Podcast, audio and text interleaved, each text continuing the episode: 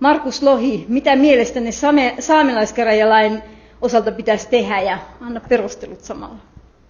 No kyllähän saamelaiskäräjälakia pitäisi uudistaa. Sehän on odottanut pitkään. Siitä pitäisi löytää sen tyyppinen ratkaisu, että, joka on, on sellainen, voi sanoa, että kohtuullinen kompromissi, joka, joka voisi edetä sitten. Ja toivon, että semmoinen löytyisi. Siinä on muutamia kipupisteitä ja sen takia se on varmasti venynyt. Mitkä ne kipupisteet ovat? Kolme pykälää ja yhdeksän pykälää. Eli kolme pykälä koskettaa sitä saamelaismääritelmää tai ehkä uudessa laissa sitä, että kenellä on äänioikeus ja siihen liittyviä ratkaisuja. Yhdeksän pykälä taas sitten yhteistoimintavelvoitetta ja sitä, että millä tavalla saamelaiskäräjät, minkälainen oikeus heillä on vaikuttaa vaikkapa maan käyttöön ja, ja kaikenlaisiin elinkeinohankkeisiin. Ja uskon, että niissä, jos vaan tahtoa löytyisi, niin voisi löytyä kohtuullinen ratkaisu. No kuinka kauan tätä saamelaiskäräjälakia sitten voisi roikottaa, roikottaa hallituksen pöydälle?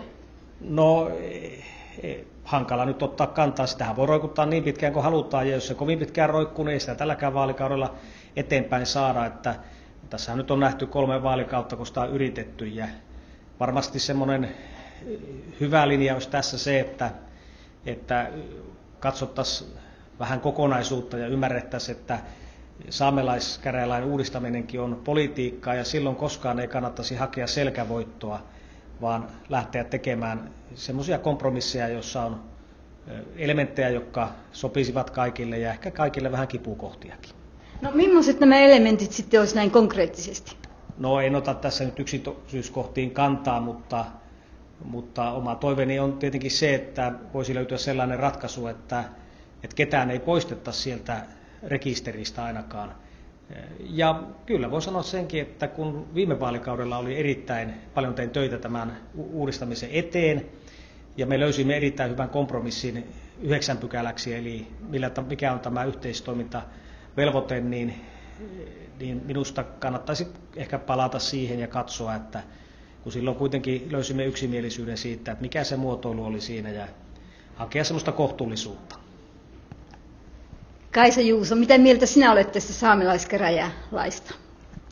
No hiukan harmittaa se, että saamelaiset keskenään kiistelevät siitä, että kenellä on äänioikeus, kuka saa olla siinä, siinä rekisterissä. Että itse ajattelen niin, että alkuperäiskansana saamelaisten asemahan on ihan uniikki. Ja minusta olisi hyödyllistä, että heitä olisi niin paljon kuin mahdollista, koska silloinhan myöskin heidän mahdollisuutensa vaikuttaa kasvaisivat, että se yhtenäisyys nyt tällä hetkellä Suomessa puuttuu ja, ja toivoisin todellakin, että siihen jossakin vaiheessa päästäisiin, että saamelaisten asioita pystyttäisiin oikeasti edistämään. Että nyt tuntuu, että tämä keskinäinen suukopu ja riitely, niin se kyllä vaikeuttaa asioiden eteenpäin viemistä, että asiat polkee paikallaan, kuten esimerkiksi tämä saamelaiskäräjälaki, niin onko tämä nyt kolmas hallituskausi, kun sitä yritetään. Ja, edelleenkin tuntuu, että sitä ei, ei haluta sitten kuitenkaan eduskuntaan tuoda siinä muodossa, kun se on suunniteltu alun perin. No, miten sitä yhtenäisyyttä saisi aikaan? No se on semmoinen asia, millä me kansanedustajat emme voi mitään, vaan se täytyy lähteä saamelaisista itsestään, hakea niitä kompromisseja, yhteisöllisyyttä ja hakea sitä positiivista pöhinää siitä saamelaisuudesta, koska vain se voi viedä asioita eteenpäin.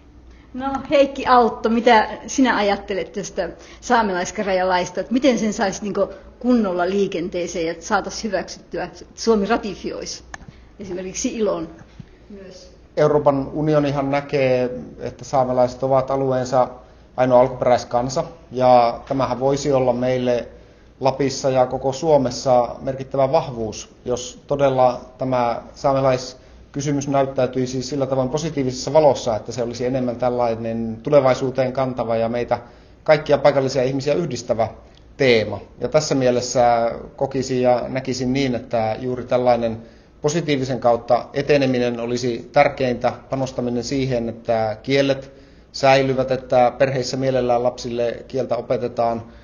Myöskin se, että elinkeinorakenne täällä kotiseutualueella säilyy vahvana, jolloin sitten on perheitä jatkamassa niitä elinkeinoja ja tällöin paitsi kielet, niin myös ne elinkeinoja ja kulttuurierityispiirteet sitten tuleville sukupolville säilyvät. Ja uskon, että siitä on ammennettavissa paljon myös tämän päivän elinkeinojen käyttöön, jos mietitään vaikka kuinka valtava satsaus Disneyllä esimerkiksi Frozen-elokuvien kautta on saamelaiskulttuuriin ja sen markkinointiin, mitä positiivista saamelaisuuteen liittyy, niin kyllä siitä kestävällä tavalla olisi ammennettava myös esimerkiksi matkailuelinkeinon käyttöön paljon enemmän kuin mitä tänä päivänä täällä paikallisesti tehdään.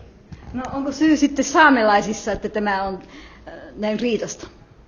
No ei varmastikaan ole sen enempää kuin myöskään ministeriössä, vaan tässä kysymyksessä tarvitaan sellaista yhteen hiileen puhaltamista. Ja tässä mielessä tietysti niin toivoisin, että nimenomaan sillä oikeusministeriössä enemmän jalkauduttaisiin tänne alueelle ja täältä nimenomaan sitten löydettäisiin niitä eväitä siihen ratkaisuun. Sitä viime vaalikaudella kyllä aika hyvin tapailtiinkin, minkälainen tämä lainsäädännöllinen kehikko voisi olla, mutta varmasti ennen kaikkea sen positiivisen tulevaisuuden uskon kautta rakentaa, niin löydettäisiin sellaista henkeä, joka vie asiaa eteenpäin.